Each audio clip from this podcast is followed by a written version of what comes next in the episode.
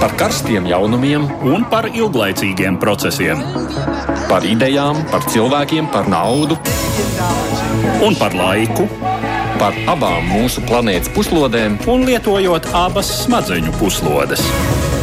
Ēterā raidījums divas puslodes.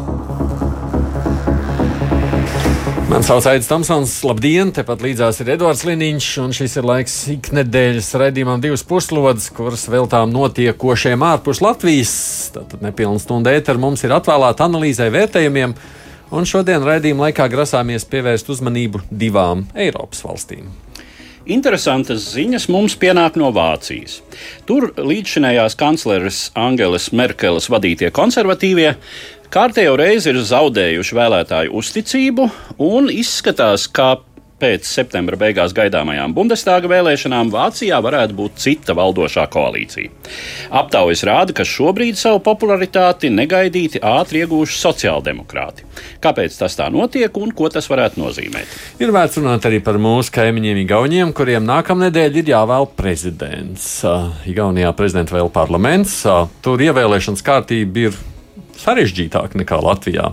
Prezidenta ievēlēšanai nepieciešams ir divas trešdaļas deputātu balss, un šajā nedēļā turpinājās arī aktīvas politiķu konsultācijas par spēju vienoties kādam kopējam balsojumam. Un pēdējās nedēļas laikā, protams, daudz ziņu ir pienācis arī no Afganistānas, bet tās aidis šoreiz apkopos īsajās ziņās. Nu jā, un ne tikai no Afganistānas vien, tāpēc ar īsajām ziņām šoreiz mēs arī sākam. Notikumi Afganistānā ir radījuši pirmo lielo ķīli ASV un citu rietumu valstu attiecībās, kas līdz ar Baidena kļūšanu par savienoto valstu prezidentu sāk uzlaboties. Runa nav tikai par vienošanos starp ASV un Talibanu, tomstarpības izvērsušās arī par evakuāciju no Kabulas. Kaut arī G7 valstu līderi uzstājīgi aicinājuši ASV prezidentu pagarināt evakuācijas termiņu, Baidens nebija gatavs piekāpties. ASV prezidents uzskata, ka tas var būt pārāk riskanti amerikāņu karavīriem, kuri saskars ar draudiem no Talibana. Islāmisti ir piedraudējuši, ka nepieļaus ilgāku citu valstu karavīru klātbūtni Kabulā. Turklāt viņi ir pārstāvi pauduši satraukumu, ka no valsts tiek izvesta pārāk daudz afgāņu ekspertu, inženieri. Tā preses konferencē sūrojās Taliban pārstāvis. Tieši trešdienas vakarā Vācijas vēstnieks Kabulā sacīja, ka talibi ļaus izceļot afgāņiem, kam būs nepieciešamie dokumenti arī septembrī, taču ceļošana drīkstēšot notikt tikai ar komerces reisiem. Pašā Afganistānā joprojām ir neliela teritorija, kur Taliban tomēr nekontrolē. Panšīras provincē bāzētās Nacionālās pretošanās kustības līderis Ahmads Masuds intervijā Francijas žurnālam apliecinājis, ka viņi kaujinieki negrasās pārtraukt pretošanos. Šeit, Panšīrā, viss tikai sākas. Tā otrdien publicētajā intervijā norādīja kustības līderis. Par padošanos nevar būt nerunas. Talibu paziņojums, ka viņi Panšīrā būtu savus pretinieks ielenkuši, viņš nodēvēja par dezinformāciju. Vienlaikus Masuds neizslēdz iespēju piedalīties sarunās ar talibiem. Sarunas tas ir iespējams. Visu karu laikā tiek vestas sarunas, bet padoties tas ir kaut kas pavisam cits. Un es atkārtoju, nedz es, nedz mani pakļautie komandieri negrasāmies padoties. Par citām valstīm tuvojoties parlamentu vēlēšanām mūsu kaimiņu valstī Krievijā. Krievijas prezidents Vladimirs Putins līdz pensionāriem izmaksā 10 000 rubļu, jeb 115 eiro lielu pabalstu. Politologi uzskata, ka šādi prezidents cer vairot atbalstu nepopulārajai valdošajai partijai vienotā Krievija. Kremļa partijas reitings ir cietis pieaugušo cenu un sarūkošo algu dēļ. Kaut arī 115 eiro nešķiet liela summa, Krievijā tā ir gandrīz otra pensija. Savukārt bruņoto spēku darbiniekiem tiks izmaksāts 15,000 rubļu liels prēmijas. Vienotās Krievijas reitings sāka strauji kristies 2018. gadā, kad valdība pieņēma strīdīgo pensiju reformu un palielināja pensionēšanās vecumu. Kā liecina neatkarīgi veiktu aptauju dati, tad valdošo partiju atbalsta vien 30% iedzīvotāju. Itālijā darbu sāks jauna nacionālā līdzsabiedrība ITA. Daudziem pazīstamā Alitālijā būtībā ir kļuvusi maksātnespējīga. Jaunā kompānija ITA iegādāsies parādos nonākušās Alitālijā 52 lidmašīnas, lidos laika nišas, citus aktīvus. Līdz ar to ITA faktiski kļūs par vecās līdzsabiedrības pārņēmēju. No oktobra vidus Alitālija vairs nelidos, tā reisus arī pārņems jaunā kompānija. Vienošanos ar Eiropas komisiju par šādu risinājumu Itālijas valdība panāca vēl jūlijā. Notiekošais nav tikai pandēmijas sekas. Itālija jau gadiem strādājusi ar zaudējumiem, arī ņemot vērā zemo cenu līdzsabiedrību izrādīto sīvo konkurenci un degvielas cenu kāpumu. Itālijas valdība vairākus gadus nesekmīgi centās atrast Alitālijā pircēju. Nu, visbeidzot, par pandēmiju, par to gan varētu veidot atsevišķu ziņu bloku, jo situācija dažādās valstīs ir ļoti atšķirīga. Taču nu, pārmaiņai kāda vienkārši interesanta ziņa. Ne visur pret baznīcā gājējiem pandēmijas laikā izturas tikpat iecietīgi kā Latvijā. Austrālijas galvaspilsētā kāda dievkalpojuma apmeklēšana Sidnejiešiem tā izmaksājusi dārgi. Ņemot vērā pieaugušo saslimšanu un karantīnu, kopējas pulcēšanās Sidnejā ir aizliegts. Ļaudis no savām mājām drīkst iziet vienīgi, lai dotos uz darbu, pie ārsta vai iegādāties pirmās nepieciešamības preces, kā arī lai pavingrotu. Taču kādas draudzes mācītājs tomēr bija sarīkojis dievkalpojumu. Kad baznīcā ieradās policija, tā atklāja, ka kopā sapulcējušies ir gandrīz 60 cilvēki, tajā skaitā bērni. Katram baznīcēnam tagad nāksies šķirties no 1000 dolāriem, bet pašai draudzēji vajadzēs vēl samaksāt 5000 dolārus. Karantīna Sidnejas aglomerācijā turpinās jau astoņas nedēļas un netiks atcelt vismaz līdz septembra beigām. Nu, lūk, tāds bija dažs ziņas īsumā, bet nu, tagad pievēršamies plašāk sākumā pieminētiem tematiem un vispirms par pirmsvēlēšanu gaisotni Vācijā. Tuvojoties 26. septembra Bundestāga vēlēšanām, aptauju dati uzrāda kārtējās pārbīdes Vācijas partiju pozīcijās. Pirms pāris dienām mediji izplatīja ziņu, ka saskaņā ar sociālo pētījumu un statistikas analīzes uzņēmuma Forza datiem Vācu sociāldemokrāti pirmo reizi kopš 2006. gada nonākuši reitingu līderpozīcijā ar 23%, atstumjot otrajā vietā ar 22% kristīgos demokrātus. Un ja sociāldemokrātiem šis ir sen nepiedzīvots panākums, tad ilgadējās kancleres Angelas Merkeles partijai gluži otrādi - vājākais rezultāts kopš partiju reitingu regulāras fiksēšanas sākuma 1984. gadā. Pagājušās desmitgades pirmajā pusē partijas reitingi stabili turējās konkurentiem nesasniedzamā apmēram 40% augstumā, piedzīvojot zināmu lejupslīdi tikai ap 2015. gadu. Tomēr tikai 2019. gada jūlijā, pirmo reizi kopš 2006. gada, kristīgos demokrātus panāca kāda cita partija, proti Zaļie. Tomēr Vācijas valdības sekmīgā darbība pandēmijas situācijā atkal uzlaboja Kristīgās Demokrātiskās Savienības reitingus par apmēram 10%. Līdz jauns kritums un jau atkal nonākšana otrajā vietā aiz zaļajiem notika šī gada maijā. Pēc tam gan situācija atkal stabilizējās līdz kritumam jūlijā nogalē, ko saista pamatā ar partijas un jo sevišķi tās kanclera amata kandidāta Ziemeļreinas Vestfālenes federālās zemes valdības vadītāja Armīna Lašeta rīcību katastrofālo plūdu laikā. Arī zaļajiem pēdējais mēnesis nav nācis par labu, un attiecīgi savas pozīcijas uzlabojuši sociāldemokrāti, kuru kanclera kandidāts pašreizējais Vācijas finanšu ministrs un vicekanclers Olafs Šolts šķiet šobrīd pārliecinošākais no iespējamajiem aizejošās kancleres amata pārņēmējiem. Partiju reitingu svārstības pēdējos gados liek apšaubīt iespēju, ka arī pēc nākamajām vēlēšanām Vācijā pie varas paliks pašreizējā un ilglaicīgā tā saucamā lielā koalīcija - Kristīgo demokrātu un Sociāldemokrātu savienība Ļoti iespējams, ka līdzšinējiem varas partneriem nāksies piepulcināt kādu trešo spēku. Vai nu zaļos, veidojot tā saucamo koalīciju Kenija pēc partiju tradicionālo krāsu atbilsmes Kenijas karogam, vai liberālos brīvos demokrātus, tā saucamos melnsarkan-zeltainajā koalīcijā.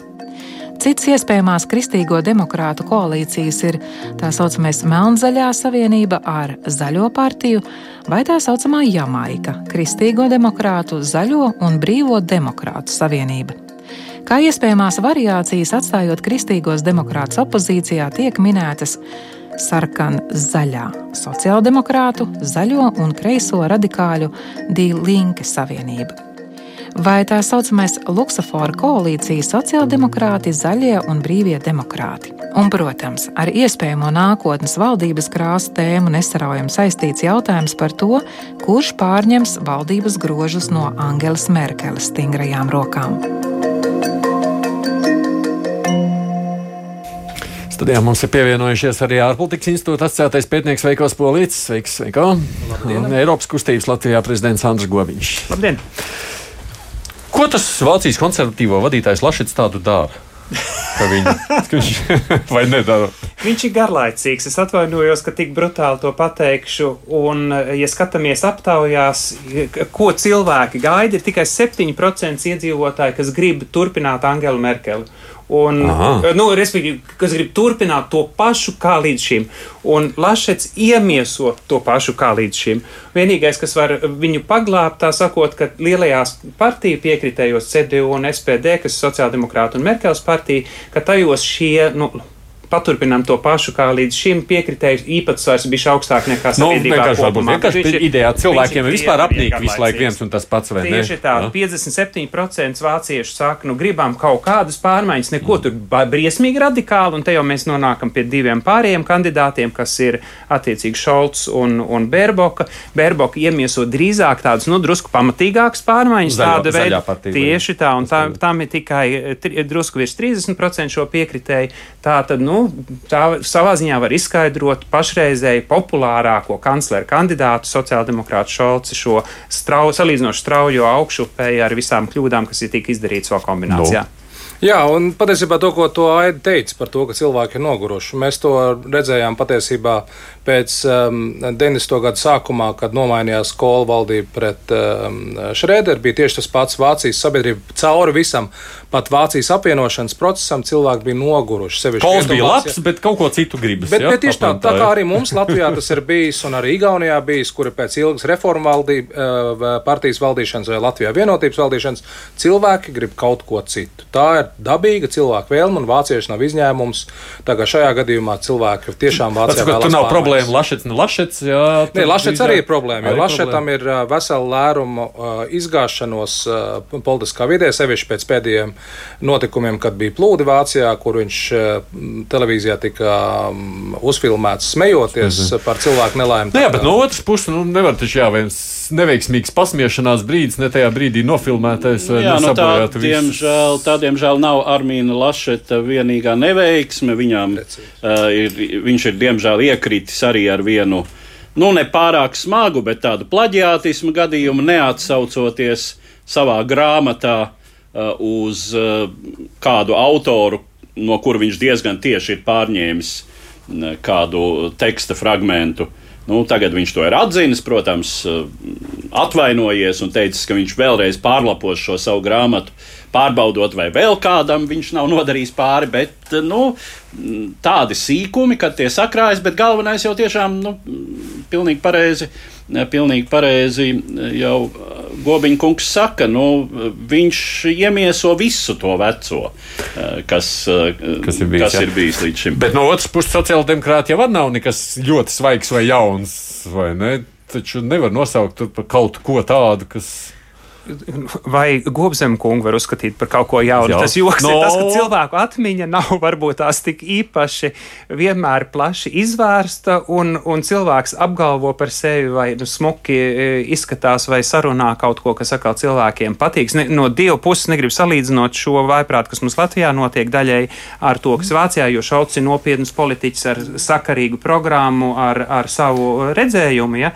bet, e, bet viņam tomēr tā, tā vieglo pārmaiņu iemiesojums ir izdevies daudz labāk kā tātad zaļiem, kas vienlaiku bija jau apsteiguši pat uh, mm. Merkels partiju, ar to, ka tomēr cilvēki nobīstās, no, ka vai, vai tik viņi negaida, nu, vai ja tos zaļos savēlēsim, vai tik nebūs pas, pārāk liela. Tas strauji, vai ne? Jā, to jau mēs esam teikuši, jau viņi tur sola tādas lietas, kuras vācieši nobaidās. Un vēl ir otra lieta. Šo, šī ir problēma, pa ko tiek nemitīgi runāts Eiropas parlamenta sakarā par tā saucamo konsensus politiku.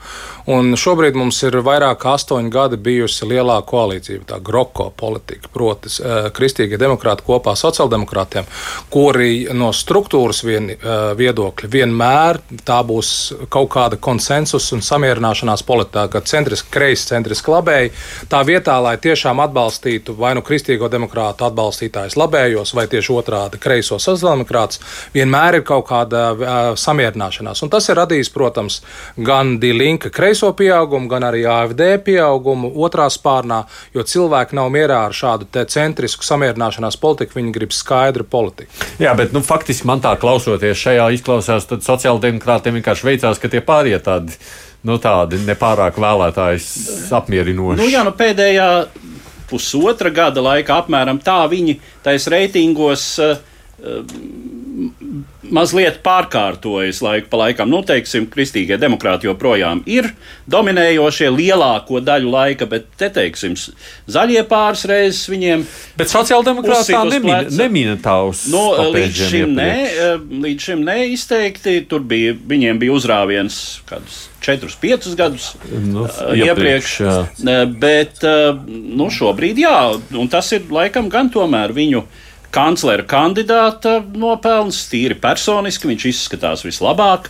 Eh, un, eh, nu, galu galā tās arī būtu teiksim, minimālās pārmaiņas. Ja, eh, ja, iz, ja paliktu šī divu lielo partiju, tā sauktā lielā koalīcija, kas pēc skaitliski ir vismazākā, ja tātad divas partijas veido sociāldemokrāti un kristīgie demokrāti, un vienkārši kanclers būtu nevis kristīgais demokrāts, bet sociāldemokrāts, nu tad minimālais pārmaiņu variants. Ja, ja tur nāk zaļie klāt, ja tur nāk uh, brīvie demokrāti klāt, tad, tad varētu būt nopietnāks. No, nu, labi, ne, par tām lietām mēs vēl runāsim. Mēs esam šobrīd sazvanījuši Vācijā Detlefu Henningu, tātad Vācijas uh, vēsturnieku, kurš māk runāt arī latviski. Henningungs, labdien! Halo! Labdien! Labdien, jā! Uh, labdien, jā! Sakiet, Jūsuprāt, kāpēc ar vienu vairāk vācieši saka, ka viņi vēlēšanās balsos nevis par konservatīvajiem, bet par sociāldemokrātiem? Jā, tā tas tiešām e, ir pēdējās dienās vai nedēļās. Um, konservatīvie ar kancleru Merkeli Vāciju stūrēja gandrīz 16 gadus, un būtībā neslikti. Bija finanšu krīze, bēgļu krīze, Trumpa valdības laika Brexits ir Krievijas uzbrukumi kaimiņu un rietumvalstīm, koronas pandēmija Afganistānā. Un kaut kā tika ar to visu galā un salīdzinot ar citām valstīm samērā sekmīgi. Bet e, tomēr vāciešu vairumam ir iespējas, ka 20. Gad, 20. gadsimts ar pēckara kārtību lēnām noslēdzas, ka sākas pilnīgi kaut kas jauns pasaulē ar digitalizāciju, klimatu maiņu, un galu galā cilvēka paša izmaiņām attiecībā uz humanitāro kvalitāti un tā tālāk. Un kā ar 20. gadsimta konservatīvām atbildēm.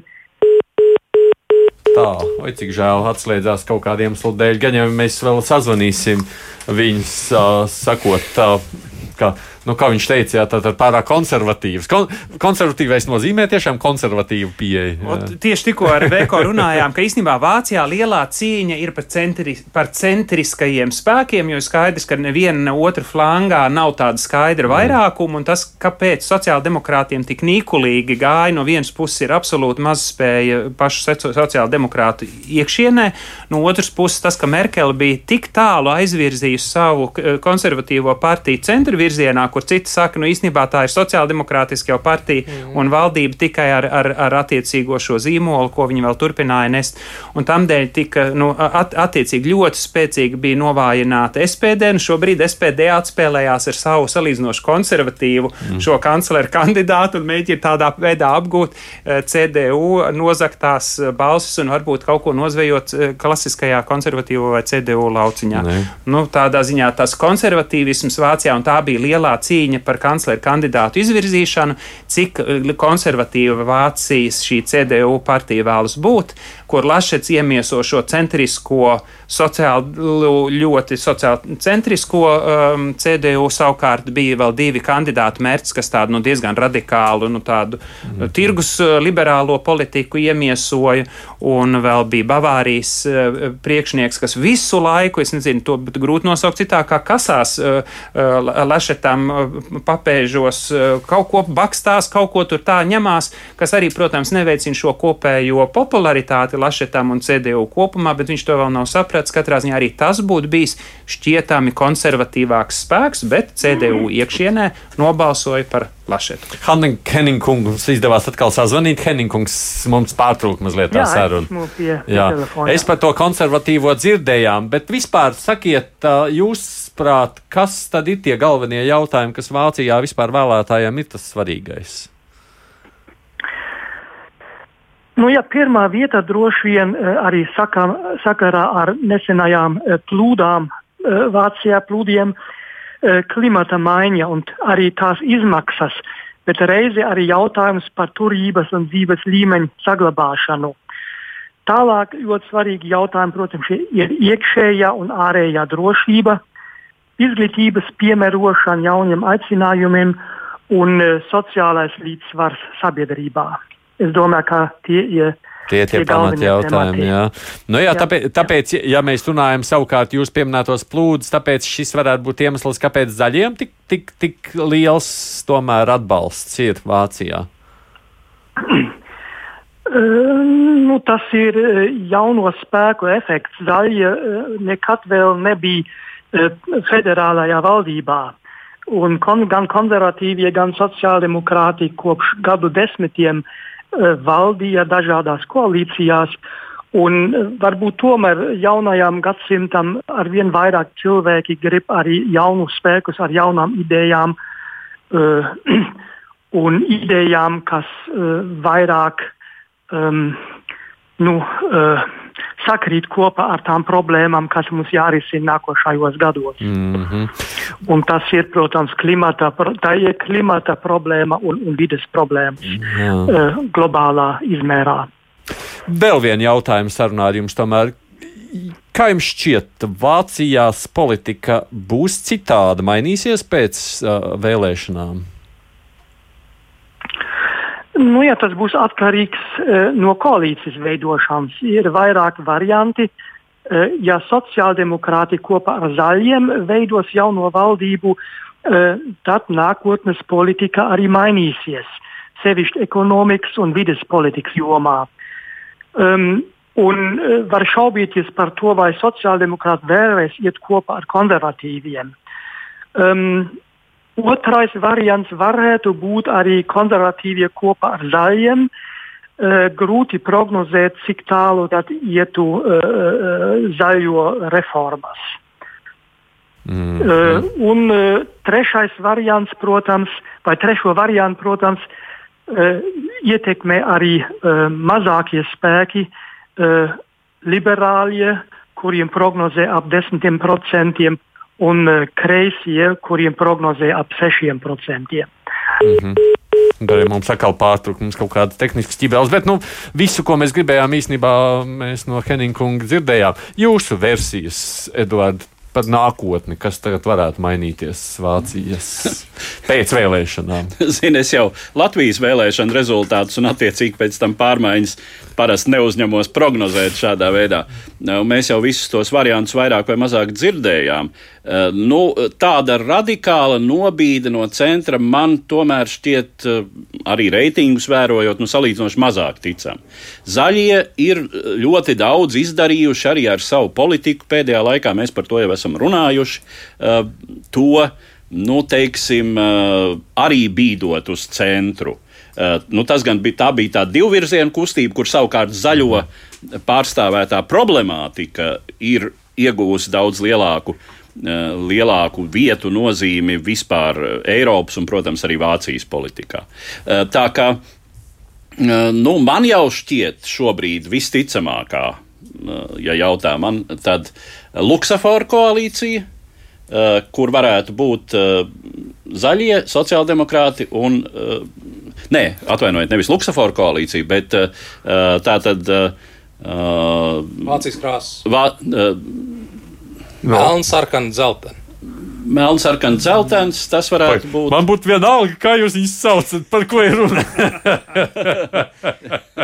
Kuras partijas? Jā, nu, es arī tagad atvainojiet, apjukutais no, uh, krāšņajos. Tad Luksafors arī īstais, ko teica. Nu, Luksafors, kas tā tad būtu brīvie demokrāti, uh, zaļie un sociāldemokrāti, ir salīdzinoši ticams variants, lai gan brīvajiem demokrātiem, kas ir izteikti tirgus ekonomikas liberāļi, varētu būt problēmas tomēr salīdzināt salāgot savu politiku ar zaļajiem visvairāk.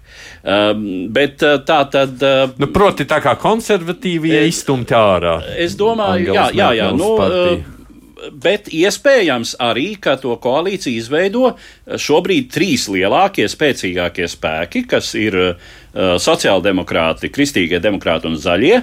Uh, kurš nu bija tas? Kenija. Kenija. Ke, tā, ir, tā ir Kenija. Ja? Uh, Nē, tā jā, jā, jā, jā, jā. jā, jā labi, lai tā ir Kenija. nu, tad attiecīgi, attiecīgi šāda, šāda kombinācija. Nu, kas ir pilnīgi skaidrs, ko visi arī saka, neviens ne no kura spektra gala nav gatavs iet koalīcijā ar alternatīvu Vācijai, galēji radikāli labējiem, nu un arī uh, ra radikāli kreisie Dīlinke nekad līdz šim nav bijuši federālajā valdībā, un noteiksim nu, arī uh, konservatīvie ar viņiem neveidos koalīciju, tas ir diezgan skaidrs. Nu, tad, ja, ja veidojās šī sarkana-sarkana-zaļā koalīcija, bet nu, tad, uh, tad es domāju, gan radikāli kreisajiem, gan sociāldemokrātiem ir jādabū tik daudz balsu, Uh, cik, manuprāt, tas nav reāli. Andri, kas tev radīs lielākās bažas, domājot par vēlēšanu rezultātiem?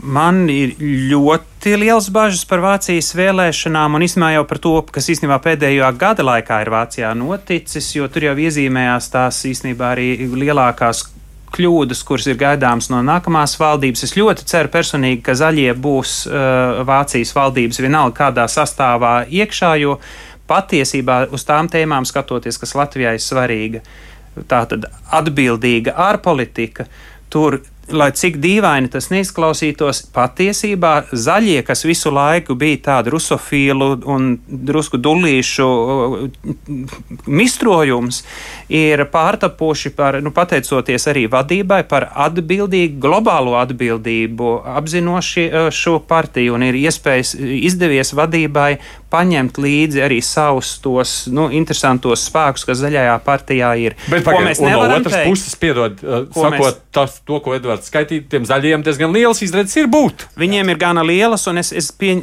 es pieņemu, un es ļoti ceru, ka viņi būs valdībā. Es pat, nu, diez vai viņi būs kancleri, bet uh, īstenībā tas pat būtu droši vien Latvijas interesēs, ka būtu šāda diezgan radikāla pārmaiņa, jo, ja mēs skatāmies gan uz CDU un Merkels politiku līdz, līdz uh, pēdējā gada laikā putinofīlija tur ir pārņēmusi partiju praktiski. Uh, Lašets visu laiku bijis ir naivs ar, nu, pilnīgi nesaprotot jebko par, par, par starptautiskām attiecībām, lai gan viņš pat Eiropas parlamentā savulaik bija ārlietu komisijā un viss kaut kur tā viņa naivitāte un Gazprom lobbyis un, un Nord Stream 2, visas šīs lielās tēmas, kurs, kur, kur Lašets ir bijis vienmēr viens no piesadzējiem, aizstāvjiem un tā tālāk. Tas pats ir CSU, kas ir nu, arī nu, teiksim, šī dviņu partija Mer Merkelē Bavārijā, kas ir, ir ļoti Krievijai draudzīga bijusi. Nu, tur tā diezgan eh, baisi ir skatoties. Bet sociāldemokrāti arī nav nekādi. Un sociāldemokrāti klasiski tieši tā, tā tad ar sociāldemokrātiem un ar CDU šīm ļoti dīvainām pārmaiņām, kuras man ir grūti racionāli izskaidrot. Uh, nu,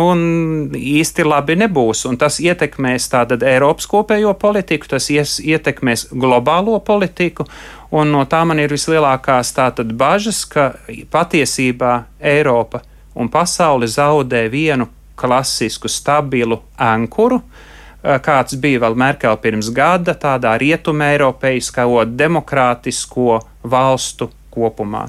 Un tas būtu ļoti, ļoti, ļoti slikts scenārijs. Vēl, ja Francija sāks šķobīties, nedod Dievs, un arī tur jau nav īsti skaidrs, kādas būs nākamgad vēlēšanas, tad jau ir tādi, nu, patiešām tas Tas nozīmē, ka vēl jo vairāk mums ir jāsaņemās Latvijā kopā ar Igauniem, Lietuviešiem, Ziemeļvalstīm un pārējām valstīm. Mums ir jāstrādā ļoti mērķiecīgi kopā, lai šos trūkumus, kas ar ļoti lielu varbūtību tur parādīsies, eh, lai mēs tos kompensētu. Jo nu, viņiem ir iespējas izpausties un, un to veidot kā Eiropas politika. Tad brīdī, ja mēs esam vāji un savu, savas intereses nelobējam, neaizstāvam pietiekami spēcīgi, tā tad būsim vēl spēcīgāki savā starpā un darām to jau šobrīd, jo diez vai tur būs šajos, šajās jomās labi rezultāti. Jā, veikal. un pārņemot stafeti no Andrēs, pilnīgi piekrīt. Un šajā gadījumā mēs redzam jau kopš janvāra, kad ir federālās zemēs notika pirmās vēlēšanās Vācijā, pēc tam bija reģionālās vēlēšanas Francijā. Pēc būtības mums ir šobrīd pusotras gads eh, Francijas-Vācijas vēlēšanu, kuras beigsies ar eh, Francijas prezidenta vēlēšanām. Tā kā šajā gadījumā to, ko Andris teica, kad arī mazajām vai vidusmēra liela valstīm Eiropas Savienībā ir jāpārņem stafeti, un to jau mēs redzējām pēdējā Eiropas galotņu tikšanās, reizē, kur uh, Merkele ar Makronu vēlējās redzēt uh, aizzilupas diktatoru pie sarunu galda, un, un mēs kopā ar poļiem pateicām, ka tas gan nav īsti gudri darīts. Uh, bet ar ko es gribēju nobeigt, ir tas, ka šis vēlēšanas Vācijā un Francijā notiek nu jau pusgadu, viņas turpināsies. Un šajā gadījumā mums ir pārējām valstīm jādara viss, jāveido šīs koalīcijas, kā mēs šobrīd darām gan ar Poliju, šeit robežu jautājumā, gan ar citām valstīm, aizstāvot savas pozīcijas galotņu tikšanās laikā. Bet es sevišķi neuztrauktos par Vācijas vēlēšanu iznākumu, jo galu galā Vācijas ierēdniecība strādā kā pulksteņa mehānisms, lai arī to, ko Andris teica par šī brīža kristīgo demokrātu vadītāju, diemžēl tas ir vairākuma šīs partijas uzskats, ka Vācija var dzīvot kā tāda Šveica Šveice neitrāla un nekur neiesaistīties, kamēr divdomīgi pārdot ieročus visām pasaules diktatūrām un apmācīt citus, eh, kā nepretoties ar ieročiem rokā pret eh, agresoriem, kā tas šobrīd notiek Ukrainā, kur Krievija uzbruk Ukrainai. Tā kā šajā gadījumā viss notiks, un es domāju, ka to, ko arī Edvards teica par šo luksuforu koalīciju, tas būtu no Latvijas un Centrāla Eiropas valstu interesēm iespējami labākā koalīcija. Mm -hmm. Nu, labi, reiz jūs pieminējāt mazās valsts un to nozīmi. Tad otra valsts, kur grasāmies runāt, kur jau vēlēšanas, bet prezidenta vēlēšanas nākamnedēļ jau ir paredzēts, tepat mūsu kaimiņi Igauni. Uh, tur gan valsts vadītāji izrauga deputāti, nu ne tauta, tas tā tad līdzīgi kā Latvijā, bet nu ir arī būtisks atšķirības. Tad, tad klausāmies vispirms Edvards sagatavoto faktu apkopojumu. 30. augustā Rīgkogu Igaunijas parlaments balsos par valsts prezidentu nākamajiem pieciem gadiem. Pašreizējā prezidente Kerstija Kaljulaida, kuras pirmais prezidentūras termiņš noslēdzās oktobrī, pretendē uz nākamo ciklu, taču viņas izredzes tiek vērtētas kā visai pieticīgas. Pirmajā termiņa laikā prezidentē izveidojušās diezgan vēsas attiecības ar vairākām parlamentu partijām. Neviena radikāla labējo un populistisko konservatīvo tautas partiju, jeb ekre, kuras līderu gājienus prezidenta pamatot kritizējusi, bet arī ar Nacionālo konservatīvo Tēvzemes partiju un Centra partiju. Centristi, kuri šobrīd kopā ar Reformu partiju veido valdības koalīciju, jau nepārprotami paziņojuši, ka Kaljulaidas kandidatūru neatbalsta un uzrunājuši citu kandidātu - Igaunijas Nacionālā muzeja direktoru Alaru Karisu. Kaljulaidas stabilākie atbalstītāji varētu būt lielākā parlamenta frakcija Reforma partija, taču arī viņa pozīcija šai ziņā nav ļoti pārliecinoša. Cik tālu atbalsts esošai prezidentei varētu iebojāt attiecības ar partneriem valdības koalīcijā? Tā nu valdības koalīcijai nav sava prezidenta amata kandidāta, un kā Kaljulaida, tā Karis startē kā neatkarīgie kandidāti. Vienīgais kandidāts, kurš pārstāv konkrētu partiju, ir ekre izvirzītais agrākais Rīgikogu priekšsēdētājs Hens Pellulās. Tāpat kā neatkarīgie kandidāti vēlēšanām pieteikušies kādreizējais ārējās tirzniecības un informācijas tehnoloģija ministrs Kaimars Karu, Igaunijas Zinātņu akadēmijas prezidents Tarmo Somer un Igaunijas klavieru rūpnīcas direktors Indreks Lauls. Kā visai reāls augstā amata kandidāts tiek minēts agrākais aizsardzības ministrs, Tēvzemes partijas pārstāvis Jiri Luiks. Taču viņš gatavojoties kļūt par Igaunijas vēstnieku NATO un līdz šim noraidījis iespēju kandidēt prezidenta vēlēšanās. Kandidātu pieteikšanās iespējama vēl līdz parītdienas beigām, bet, kā zināms, saskaņā ar Igaunijas konstitūciju, ja neviens no prezidenta amata kandidātiem pirmajā vēlēšanu kārtā neiegūst divas trešdaļas no deputātu balsīm, vēlēšanām tiek sasaukta elektoru kolēģija, kurā bez parlamenta locekļiem ietilpst arī pašvaldību pārstāvi. Pēc visas spriežot, bez elektoru kolēģijas nevarēs iztikt arī šoreiz, un šī arī tiek minēta kā ticamākā iespēja Kerstī Kaljulaidai palikt Igaunijas valsts galvas amatā vēl uz vienu termiņu.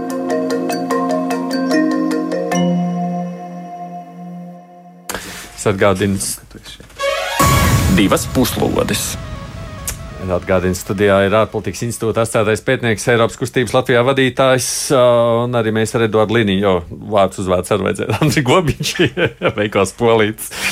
Nav tā pārlāk sarežģīta prezidenta izraudzīšanas kārtība, Eduards, viņiem tur. Nu, vismaz divas partijas ir izteikušās, ka tās izvirzīšot izmaiņas likumdošanā. Gan centra partija ir izteikusies, ka uh, vajadzētu mainīt, un šķiet, otra ir ekra, kas ir uh, arī, protams, bet no ekra, kā zināms, ko tik visu viņi negrib mainīt. Jo sanāk tā tad divas trešdaļas grūti savākt, un beig beigās vēlt vispār citi paši nemaz netiek deputāti pieteikšanas. Nu, tādā nu, pilnā mērā. Man jau gan šķiet, ka tas. Tā pieeja ar elektoru kolēģiju ir procesa stabilizējoša. Jo, nu, tad, kad vēl parlaments, mēs jau arī no Latvijas pieredzes zinām, cik šis process mēdz būt ilgs, mokošs, nepatīkams gan kandidātiem, gan balsotājiem, un arī sabiedrība tur dabū, dabū tā sacīt, redzēt politisko cirku. Viņiem tās divas trešdaļas, taču Jā. tur viss to sarežģītos problēmu rada, vai ne? Jā, bet ja, ja runājam par pašiem tiem kandidātiem, vispirms, kāpēc vairs nesošā prezidenta, ko tad viņi tik neveiksmīgi darīja? Šajā gadījumā ir trīs galvenie faktori. Pirmais faktors ir tā tad um, valdības koalīcija, kura mainījās šogad, tā tad populistiskā Igaunijas tautiskā konservatīvā partija Viņai tika palūgts pamest koalīciju, līdz ar viņiem arī sociāldemokrāti pameta koalīciju. Tad uh, otrs faktors, protams, ir. Un kas tur slikts prezidentē? Prezidents lūdzu pamest. Es nesaprotu. Uh, nē, nē, nu, Atgādīt. vienkārši prez, prezidents ir tas, kurš izvirza premjeru. Un šajā gadījumā viņai nāca uguns gan no, no vienas puses, kad viņi izveidoja valdību trīs gadu atpakaļ ar ekri, mm -hmm. gan nāca uguņi no ekres, kad atkal šī valdība nobruka. Tā kā šajā gadījumā gan pamatot, gan nepamatot argumentu politikā ir ļoti bieži, kur nepamatotiem argumentiem tu pat nevari iesaistīties eh, mēdīņu cīņā, jo vienkārši viss ir slikti. Sakot, mm -hmm. ja. uh, otrs ir pandēmija, un šeit Igaunija nav nekāds izņēmums. Mēs paši redzam šeit pašmāju politikā Latvijā un visur pasaulē. Mēs redzam, kā pandēmija ir ietekmējusi politiku negatīvā nozīmē. Uh, un uh, visbeidzot, trešais arguments ir, kad uh, viņas pašu izvirzījusi partija, tāda Tēzemes Savienība, šobrīd balansē uz neiekļūšanas robežas parlamentā, jo viņu pozīcijas ir pārņēmusi šī pati populistiskā ekra. Tā kā šie trīs pamat mm -hmm. faktori, kas iezīmē Kerstīna Kaļģulaita pozīcijas, kuras ir visnotaļ nedrošas. Realtātē tā ir tāda politika. Nu, tur nav stāsts par kaut ne tik daudz citu. par ideoloģiju, Jā. cik par uh, politiskām ambīcijām un, un tiešām tādu arī politisku taktiku, protams. Es Jā. vēl gribētu varbūt ceturto aspektu pieminēt, kas varbūt daļēji ir politisks, kā tu teiktu, proti tas, ko mēs esam arī redzējuši Latvijā pie iepriekšējiem prezidentiem, ka dažreiz valdībām vai, vai ir izdevīgi, ka ir vājš prezidents. Nu, šobrīd, šobrīd mēs esam pirmo reizi, pateicoties atkal sabiedrības mobilizēšanās variantam, pie situācijas, kur ir prezidents, kam ir nu, tāds spēcīgāks savs, savs redzējums, un kas arī kādreiz pasaka, mīļie politiķi, šī tā te lūdzu, ne? Bet tā, tā liekas kontroles vēlme un Kaljulaida gana pašapziņīga, gana pieredzējusi, gan ar, ar arī prezente, gan ar mugurkaulu, gan arī ar savu, nu, arī mediju prezents, ka viņi veselu mēnesi pārceļ savu, savu prezidentu štābu uz Nārvu, tas būtu, nu, tā kā Levitkungs pārceltos uz Daugopilu uz, uz, uz mēnesi. Nu, tāds gājiens, nu, ja nosmeļ mediju uzmanību un, un ir, ir pašapziņīgs un tā, nu, vienam tas patīk, kas domā valstiski, ja, otrs saka, nu, zini, te es gribēju pagozēties televīzijā tajā laikā un, un, un redz, tika, tika citam cilvēkam. Tā kā cik liels šis aspekts nāca klāt jau tiem, ka, kurus Veiko minēja, to, protams, ir grūti, grūti prognozēt, bet viņš droši vien tādā politiskajos apsvērumos savu, savu lomu spēlēja. Igauni, ja drīkst vēl tādai interesēja pajautāt Igauni paši, ko saka par Kaldilaidi. Nu, šobrīd, ja mēs skatāmies uz uh, reitingiem, viņai reitingi nav tik graujoši kā šobrīd uh, Egīlam Levitam, bet tajā pašā laikā Igaunija, atšķirībā no Latvijas, nekad īsti nav bijusi diskusija par vēlmi pēc stingrās rokas, kas ir Latvijas specifika, pateicoties mūsu politiskajai sistēmai, ko šobrīd, ja mēs skatāmies uz saimnes sastāvu, tad ir tikai viena partija, kur nevēlas tautas vēlēt prezidentu, un pārējās visas vēlās tautas vēlēt prezidentu. Igaunijā šāda diskusija vispār nav bijusi. Un tā pašā laikā šobrīd visas šīs peripētīs par izvirzīšanu, pretizvirzīšanu, kāpēc viens slēpjas, kāpēc otrs neizvirza sevi, ir radījušas Igaunijas mēdī telpā pamatot diskusiju par to, ka varbūt arī Igaunijā vajadzētu tautas vēlēt prezidentu. Kaut gan šeit jāsaka, man paša pozīcija ir stingra republikāniska. Es neatbalstu tautas vēlēt prezidentu dažādu vēsturisku un citu faktoru. No, nu, labi. Par to nē, bet esam šobrīd Igaunijā sazvanījuši Igauni kolēģi žurnālistu Madi Mūstu. Halo! Sveiki, sveiki! Sveiki, labdien! Mēs te iesākām runāt par to, ko tad Kaljulaida tādu izdarīja vai neizdarīja, kāpēc viņa vairs nav lielas izredzes kļūt atkal atkārtot par prezidentu. Kā jūs to teiktu? Kāpēc esošā prezidenta vairs nav populāra? No prezidenta Kaulilaida uh, cilvēku tautas ceļ pašlaik jau nu, uh, uh, ir vispopulārāks tautās, uh, tautas vidū. Tur tika noskaidrota, ka aptuveni ceturtaļa atbalstītu šo cilvēku turpināšanu, bet varbūt arī tādēļ, ka nu, neviens cits vārds īsti līdz šim nav izskanējis. Visu laiku, visu gadu, visu pavasari un vasarī cilvēki ir gaidījuši, nu, kādi būs mūsu kandidāti, bet uh, līdz šim ir bijis tikai kaut kādi kandidātu kandidāti, kuru varbūt būs, bet varbūt arī nebūs. Uh, bet kāpēc Kalniņa nebūs, tas ir partijas politika. Tik runāts, ka tas ir viņa personīgā nesaskaņa ar bijušu bijušu premjeru Jiri Ratasu. Un Jiri Ratas nepiekritīs ar Kaulaidā būšanu nākamajā termiņā prezidentam. Tādēļ arī Ratas ir gatavs uh, atbalstīt jebkuru citu uh, kandidātu, lai tas tikai nebūtu Kaulaids. Mm. Protams, tika gaidīts, ka Jiri Ratas pats varētu ieņemt šo amatu. Un, uh, viņš atteicās kādus vismaz trīs mēnešus uh, atteicas atbildēt konkrēti jautājumu, vai viņš kandidēs vai viņš nekandidēs. Nu, tagad viņš ir teicis nē, bet uh, uh, viņu līdz galam arī netic. Uh, jā, gadījumā pirmdien vai otrdien parlamentā uh, pašreizējais vienīgais kandidāts, it kā Alars Karis, uh, neies cauri viņš varētu ierasties un it kā saglabāt situāciju, lai Igaunijai būtu prezidents. Mm. Saglabāt situāciju, tas būtu tas ir ratas. Ak, tā, ja. Bet kā jūs domājat, būs nākamnedēļ prezidents vai nebūs pirmdien? Ļoti nedroši, ļoti nedroši. Mm. Tur uh, trūkst opozīcijas balss, opozīcijas partijas uh, vakar un šorīt uh, ir teikuši, ka viņi konkrēti neatbalstīs kā partijas Alāru Karisu, eh, bet viņi, viņu pārstāvi var par viņu balsot. Un, uh, var, var, var iedomāties, ka varbūt tā puse būs par, un ja puse no abām partijām būs tiešām par, tad pavisam iespējams, ka tas arī būs. Uh, arī koalīcijās atbalsts nav tik ir droši. Viņi ir izvirzējuši abi šo cilvēku pēc eh, tā, ka vēlēšanās eh, balsošanā ir slepena. Tur eh, var arī būt cilvēki, kuri, kuri neiet ar to priekšu. Un, īstenībā var gadīties, ka, kā jau iepriekš, ka parlamentā otrajā, otrajā vēlēšanas kārtā izrādīsies pēkšņi kāds cits cilvēks, par kuru mēs līdz šim neesam pat domājuši. Mm, tik interesanti. Paldies, Madi.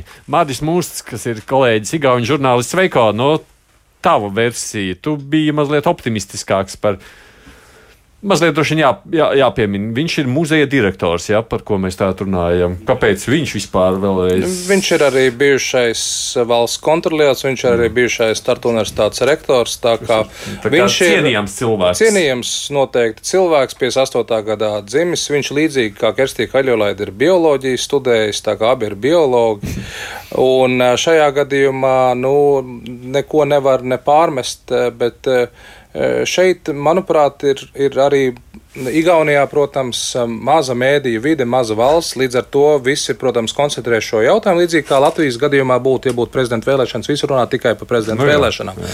Bet nu, tas ir normāli, tā politika notiek. Un, un šajā gadījumā, ja pat pirmajā vai otrajā kārtā nevar ievēlēt, nu, tad iet uz elektoru kolēģiju. Un neaizmirsīsim, ka Igaunija šo elektoru kolēģiju un prezidenta vēlēšanu sistēmu ir pārņēmusi no Somijas, kurai šī sistēma pastāvēja no 1920. līdz 2002 gadam, kad Somija mainīja konstitūciju, un tagad Somija ievēl arī tautas vēlētās uh, vēlēšanās, un arī tur ir diskusijas, vai tomēr tas bija labākais veids.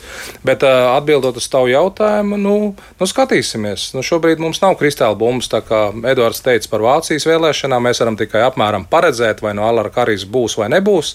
Bet, ja nebūs, nu, tad ies uz otro kārtu. Varbūt izvirzīs pats Jurijs Ratās sevi, viņam tā iespēja ir. Nu, līdzīgi kā ir Latvijā bijis, pēkšņi kandidāti tiek izvilkti. Nu, tā ir politika, nu, normāli. Lai gan Latvijā mēs kaut ko pamainījām, ka nevarēs tā pēdējā brīdī vilkt ārā, vai ne? Kandidāti kā trusi no cepures. Pēdējā sacīt. brīdī Latvijā vairs nevar. Jā. Nevar, vai ne? ne? Viņiem joprojām var. Igaunijā. Viņiem joprojām var, jā. Nu, jā. Uh, lai gan nu, tiek lēsts, ka ja tas aizies līdz uh, elektoru kolēģijai, Nu, tur gan Kaljulaidai varētu būt zināmas izredzes, jo tur uh, parlamenta deputāti ar šiem saviem tīri politiskajiem uzstādījumiem paliek mazākumā. Tur nāk klāt diezgan liels skaits Atgādīja, elektoru. Tātad, tātad, no kas ir elektoru kolēģija? Ele elektoru kolēģija ir pašvaldību pārstāvi. Tātad ir noteikts skaitlis, un šis skaitlis no visām Igaunijas, es tagad negribu melot, pēc pašvaldību reformas viņiem tagad ir 102, nē, ir zem 100 ir, ir pašvaldības, un saliekot kopā ar 101 Rīgu locekli, līdz ar to pašvaldību pārstāvi ir vairāk, jo tur nevis tikai viens pārstāvs, bet tur ir kvotas no lielākām pilsētām, tā Tartu Tallinas vairāk, tad mazākiem miestiem mazāk. Bet, jebkurā gadījumā ir pārsvars, un šeit, protams, ir vēl viena iespēja. Šeit ir ekras kandidātam noteikti iespējas, jo pašvaldību vēlēšanās ekra dabūja tīri labu rezultātu. Tā kā arī šis arguments jāņem vērā. Ah, ja skatāmies kopumā, cik šis ir būtisks jautājums, kas viņiem ir prezidents, jo viņiem jau arī laikam prezidentam nav tā svarīgākā loma ir līdzīgi kā Latvijā, Jā. kur kopumā tā tad reprezentatīva loma, bet arī tāda sirdsapziņa. Un, ja mēs skatāmies uz to pašu kalju laidu, tad ja ir spēcīgs prezidents vai uz to pašu arī Levitu, lai, lai ko neteikt kaut kādu sabiedrisko domu aptaujas eh, un, un citas lietas. Ja cilvēkam ir skaidrs redzējums, tad šis prezidents ir stabilizējošs faktors un var būtiskos mirkļos vienā vai otrā virzienā ļoti būtiski sliedes nu, attiecīgi ielikt pareizā gultnē, kas ir ārkārtīgi svarīgi. Tāpēc es teiktu, ka, lai gan šī reprezentatīvā funkcija no vienas puses liek domāt, ka nekas īpaši būtisks tas nav, tomēr zinot šo radikālo ekreklātbūtni lielo Igaunijā, kas ir tāds. Un tiesības nu, nosaukt premjerministra kandidātu. Un tas, protams, arī tiešā veidā, kas, kas ietekmē tātad eh, arī valdību un, un ekri kā ārkārtīgi neprognozējošs, ne, neprognozējams spēks pašā Igaunijā šim prezidentam tomēr ir diezgan diezgan liela nozīme, ka tas ir spēcīgs, un arī Latvijas interesēs, ka tas ir spēcīgs, eh, stabils, eh, nu, prognozējams ar savu mugurkaulu un, un savu darba kārtību. Tādā ziņā nu, pēkšņi tas, tas, kas ir reprezentatīvais, var būt gana svarīgs. Mm. Un Igaunijā man liekas, šī situācija tāda ir. Un patiesībā vēl viena lieta, par ko arī Latvijā īsti žurnālisti nav um, debatējuši Latvijas prezidenta vēlēšanu sakarā, kad uh, Igaunijā gan par šo ir bijušas runas, uh, cik es atceros uh, pēdējo 25 vairāk gadu laikā, kur tiek runāts gan par prezidenta nodrošinājumu, kur arī Latvijas žurnālisti šo te ir šķērduši un skatījušies, kāds nodrošinājums ir. Bet eh, kas ir svarīgāk, ir tā, ka, nu, ja mēs ievēlam prezidentu uz diviem viens pēc otra termiņiem, tad mums ir mazāk uh, cilvēku, par kuriem ir jārūpējas. Tīri praktiski, saimniecisks apsvērums, kāpēc mums ir vajadzīgs vēl viens cilvēks, par kuru pēc tam valstī jārūpējas. Ja varbūt viens, kas var būt divus termiņus. Bet nu, šis, jā, man liekas, ka Latvijas argumentā vēlētājiem nav licies tas svarīgākais, lai tāpēc vienu, vienu nepopulāru prezidentu gribētos uzturēt. Uh, Bet Kaljulaida ir populārākā. Nu, redz, te ir bijis cita opera. Kopā ar ratas. Jā. Bet jā. skatoties savukārt no Igaunijas, nu, tad prezidentam ir visu laiku jādomā, kā viņš izla, izlieferē, nu, līdzīgi jau kā pie mums ar attiecībās ar partijām. Nu, vienīgi tiešām tā, tā jau daudzkārt šeit piesauktā ekrana, nu, ziniet, tas ir apmēram tā, ja mēs iedomātos, ka nu, mums ir vesela valdības partija un ilgu laiku bija ar vairākiem ministru portfeļiem, tā skaitā nozīmīgiem, kur uzvedas kā viens Jānis Iesalnieks. Ja? Mums, mums šis radikālais, šī radikālā tendence ir absorbēta tomēr Nacionālajā apvienībā, kur vispārējā līnija to diezgan sekmīgi neutralizē. Igaunijā nu, šai ziņā tā ir iznākusi ārā, tā plūc laurus. Man jau liekas, ka šobrīd Jānis Iesaulnieks, skatoties Latvijas politikā, nav nekas tāds, par ko tev vajadzētu nu, reizēties. Ir, ir citi eksemplāri parādījušies. Nu, jā. ja tas ir kombinācijā ar KPV šītām atšķaugām, kuras mēs šobrīd jā, redzam, jā. tad nu, atkal mūsu, jā, nu, mūsu populistiem at, ir, uh, nav raksturīga arī varbūt šī nacionāla konservatīvā tik izteikti, nu, tiem, kas, kas šobrīd ir priekšplānā. Tur ir, tur ir cita, cita rakstura populisms. Jā. Ne, vienkārši varbūt Latvijas radioklausītājiem, lai būtu skaidrāk šī ekras pozīcija, un varbūt citreiz arī man ir cilvēki pienākuši klāt un jautājuši, īsti nesaprot, kas ir tā pozīcija. Lai saprastu, tad ekra Igaunijas tautas konservatīvā partija tika uzpotēta uz bijušās tautas partijas, kas, būtu, kas bija tāda mazajos lauku centros, kolhos centros koncentrēta partija, bijusi uh, prezidenta Rītela partija, varētu teikt uh, Latvijas ZZS.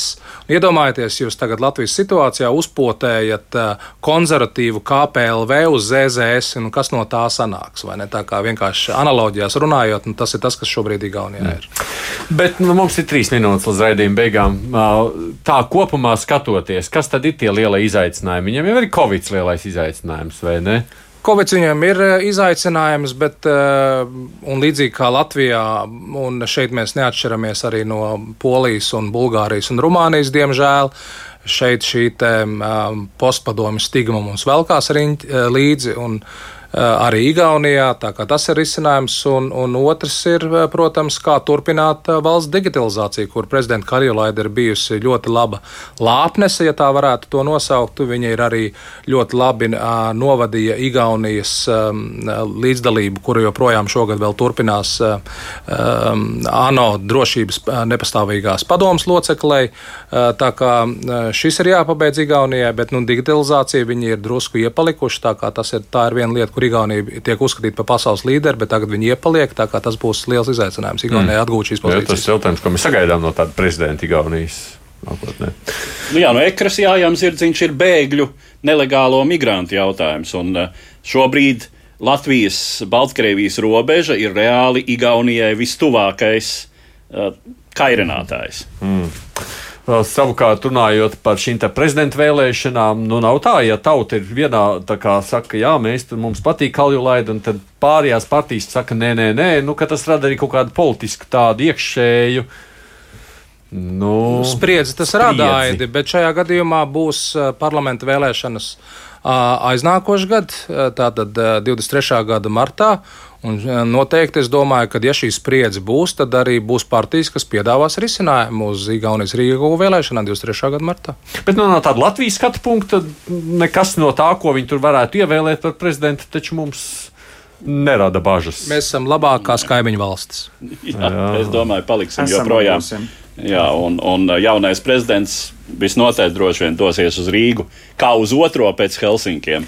Un man liekas, ka tas, ko mēs arī redzam, ka Igaunijā patiešām pašreizējā valdība ir ļoti uz Baltijas valstu sadarbību uh, vērsta. Vēl vakar ar ministru prezidentu satikās un tās pašas Baltkrievijas šīs, šīs nelegālās migrācijas vai piespiedu migrācijas, kur pašreiz uh, diktators kaimiņu valstī cenšas iz, uh, izvērst pret Latviju, Lietuvu un, un Poliju.